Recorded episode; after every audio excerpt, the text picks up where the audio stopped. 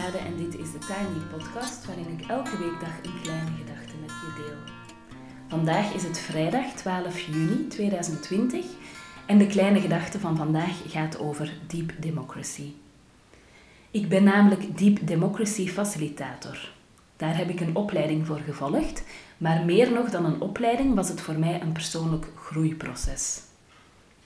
En dat wil ik graag delen en dat ga ik doen in twee keer, een deel vandaag en een deel maandag. Laatst kwam ik in de context van mijn vroegere werk. Dat was heel confronterend, omdat ik mezelf, ik herinnerde me mezelf uit de tijd dat ik daar dan werkte.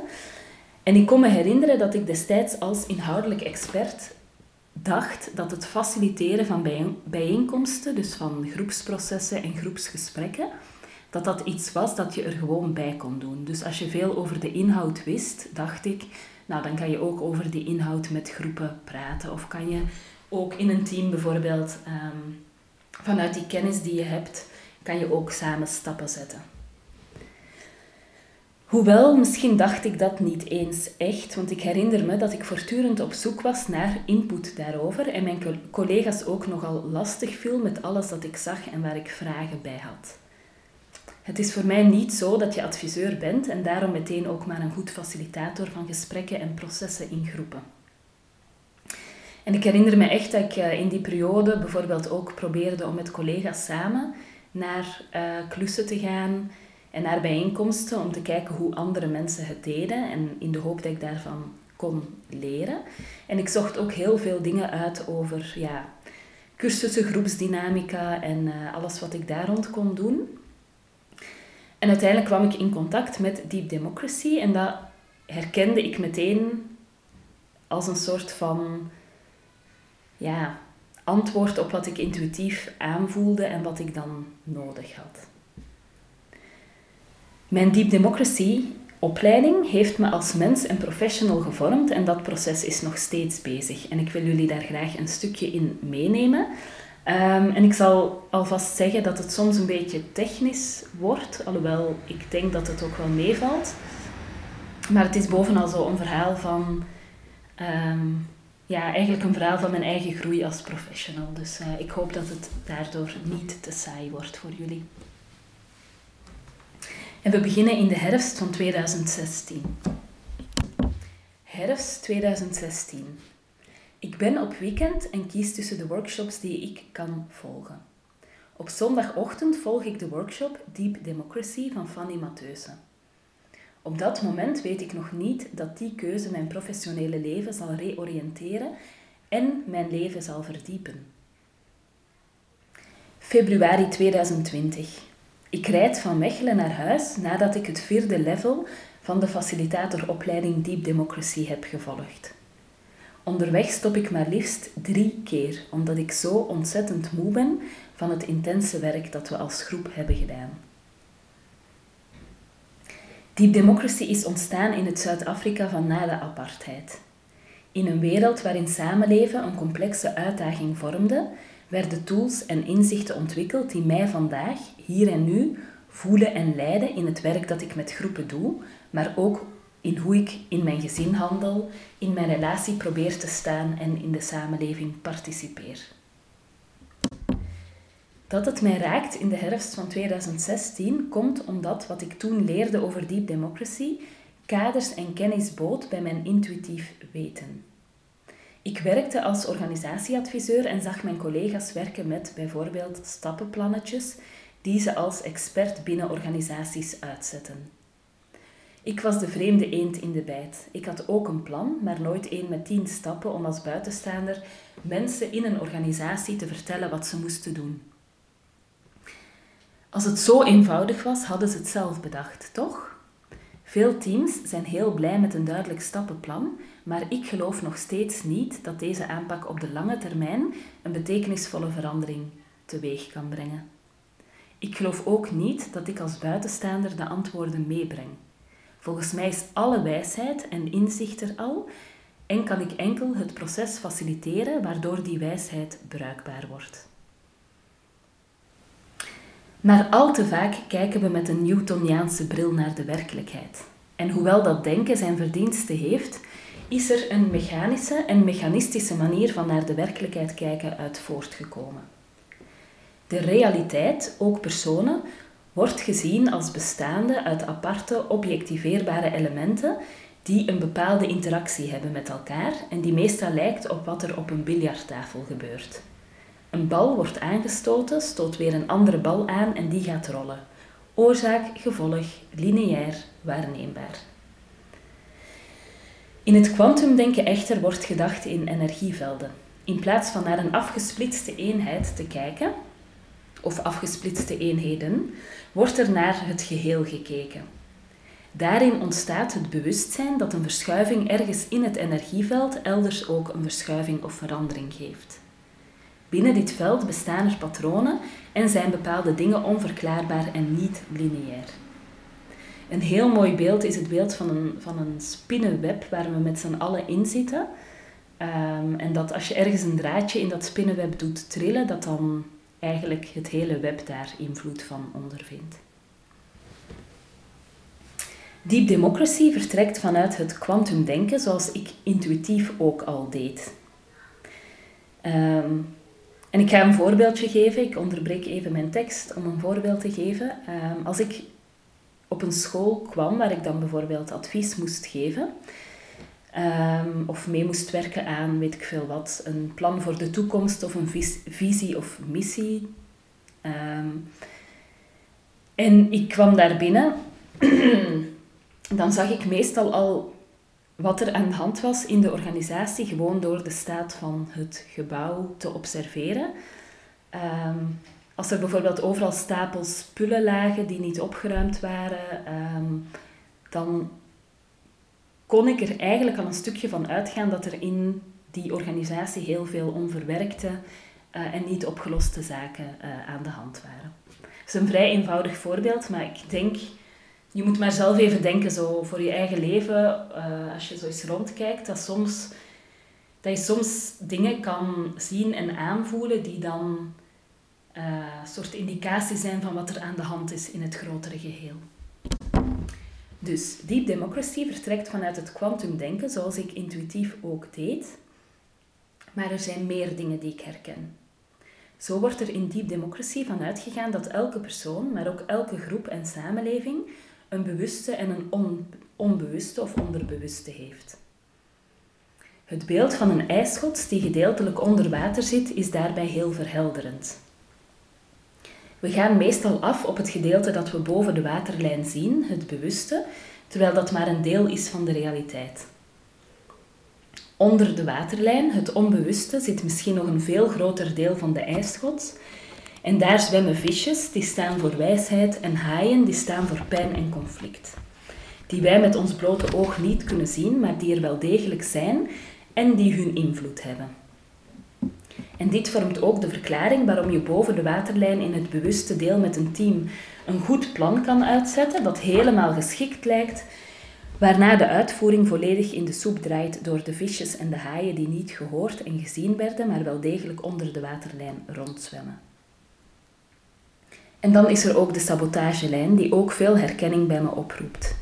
In groepen, of het nu een gezin is, een organisatie of een samenleving, bestaat veel niet-intentioneel sabotagegedrag dat gaat van heel bedekt en schijnbaar onschuldig tot heel openlijk.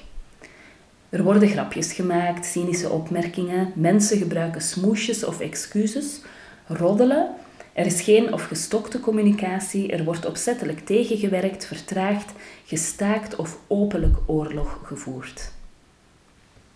Ook dit zijn duidelijke signalen dat wat onder de waterlijn zit niet gehoord is. Dus dan gaat het over die visjes en die haaien. Als je die niet ziet en hoort en er geen rekening mee houdt, dan krijg je dus sabotagegedrag. En dat lijkt, als ik het zo zeg, alsof mensen dan bewust en expres gaan saboteren, maar vaak is dat um, ja, een soort van onbewuste reactie. Um, ja, ik ga dan zelf ook even uit de biecht klappen. Um, ik had een keer ruzie met mijn partner. Dat gebeurt natuurlijk soms. En um, we zouden dat weekend naar een familiefeest van zijn familie gaan. Ehm, en er was iets wat ik hem duidelijk wou maken. Ik weet echt al niet meer waar het over ging op dit moment, want het is al lang geleden. Maar ik wou hem iets duidelijk maken en ik voelde mij niet gehoord. Hè. Dus het ging over, denk ik, een visje of een haai die gezien wou worden en hij was niet bereid om daar naar te luisteren. En ik hoorde mezelf plots zeggen, nou, zoek het maar uit, ik ga niet mee naar jouw familie. Ehm, en ik heb hem dus alleen met de kinderen naar zijn familiefeest gestuurd. En daar ben ik zelf heel erg van geschrokken, uh, omdat ik het en een rotstreek vond van mezelf. Ik vond het echt heel stom. En tegelijkertijd dacht ik, hoe is het nu toch mogelijk? Ik heb dan uh, die hele opleiding Deep Democracy gedaan. Ik weet wat sabotagegedrag is en ik doe het gewoon zelf. En ik merk het pas dat ik het gedaan heb op het moment. Hè, dus ik was eigenlijk aan het staken, zou je kunnen zeggen. Maar ik merkte het pas nadat ik het gedaan had, dat ik, uh, dat ik sabotagegedrag um, inzetten. Dus om maar even te duiden dat het ehm, niet intentioneel is, maar dat het een soort van automatische reactie is die zowel in groepen als bij individuen ontstaat. Oké, even kijken waar we zitten. Oké, dus eigenlijk wil je die visjes en die haaien die onder de waterlijn zitten, wil je die horen om te zorgen dat er geen sabotagegedrag en geen moeilijkheden uh, komen in bijvoorbeeld een groep of een gezin of een relatie.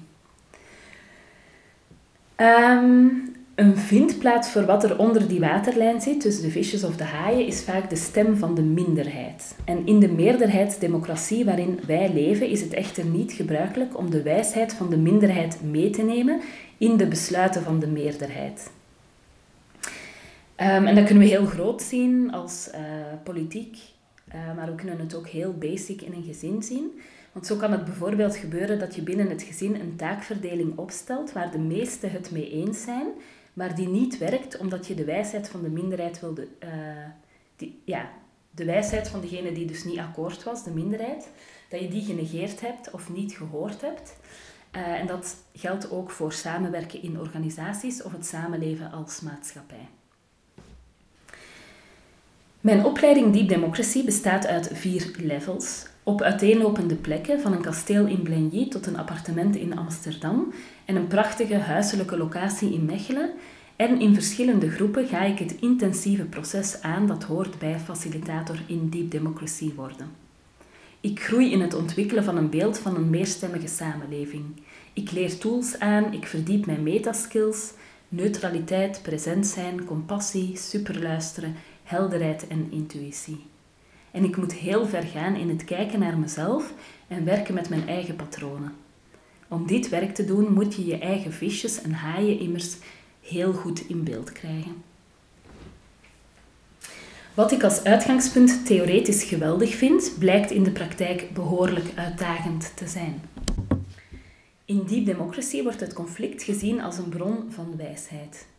Door het niet te vermijden of te minimaliseren, maar door er recht doorheen te gaan, waarbij je stevig in je standpunt gaat staan, worden transformatie en groei mogelijk.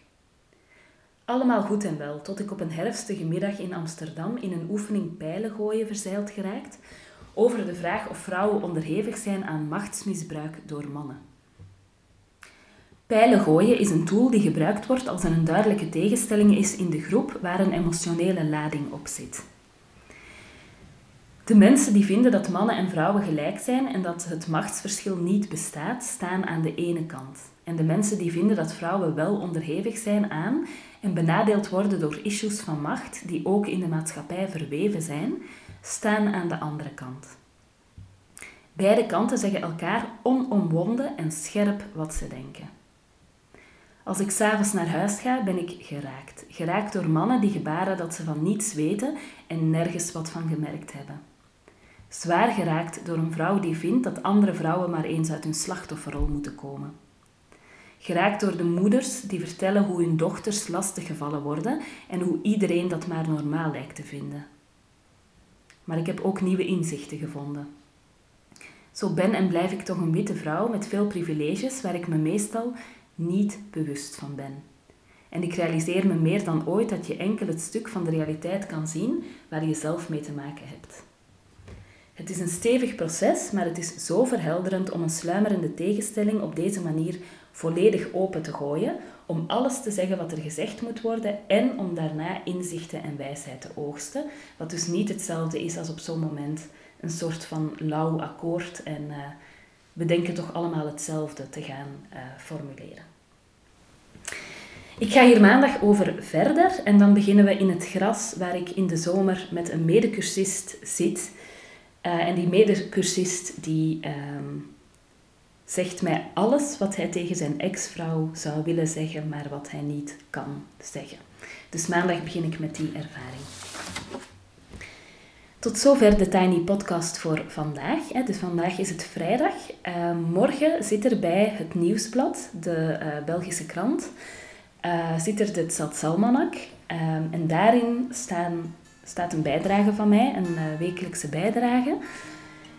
En er zit ook een kortingscode in om mijn zomercursus te kopen. Um, en maandag vertel ik ook iets meer over die zomercursus.